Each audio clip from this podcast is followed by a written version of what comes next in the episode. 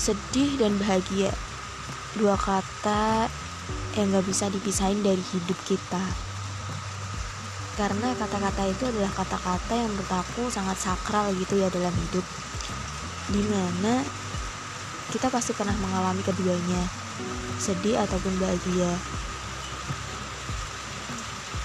Dan kalau kalian sedang bersedih saat ini ingat ada hari di mana kalian itu bahagia bersama dengan orang-orang yang kalian cintai yang kalian sayangi. Jadi jangan terlalu berlarut-larut dalam kesedihan ya. Karena kalau kita terus-terusan sedih nanti siapa yang bikin orang bahagia?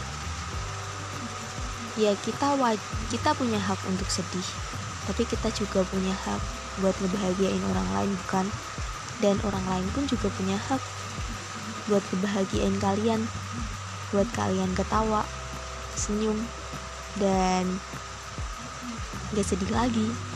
Jadi sesama makhluk hidup makhluk sosial pasti ngebutuhin orang lain bukan? Jadi kalau kita lagi sedih atau orang lain lagi sedih pasti nanti ada aja yang bikin bahagia. Entah dari film. Drama. Pacar, orang tua, saudara, atau ada idol K-pop, atau meme, atau anonymous chat, gak ada yang tahu kan. Jadi bahagia itu sederhana gitu loh. Kalau kalian sedih, coba deh kalian buka-buka lagi gitu. Apa yang bisa memotivasi kalian biar kalian itu nggak down lagi biar kalian itu paham yang namanya emang hidup itu ada sedih ada bahagia. Kalian berhak untuk semua itu. Dan tapi ingat jangan berlarut-larut dalam kesedihan karena itu emang gak baik buat psikologis kita. Jadi tetap bahagia ya kalau kalian kena masalah ingat masalah itu nggak pernah melampaui batasan kita. Dan sang pencipta pun yakin kalau kita itu bisa nyelesain masalah itu dengan baik.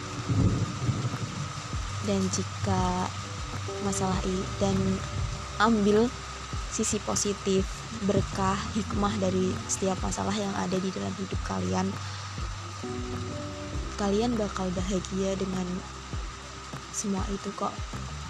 Rencananya itu pasti adalah rencana yang terbaik daripada rencana manusia. Dan mungkin emang rencana kita itu belum belum yang terbaik atau mungkin malah rencana yang bisa bikin kita jauh sama dia. Jadi sang pencipta memiliki rencana yang lebih indah dari kita jadi yakinlah itu Semangat buat kalian.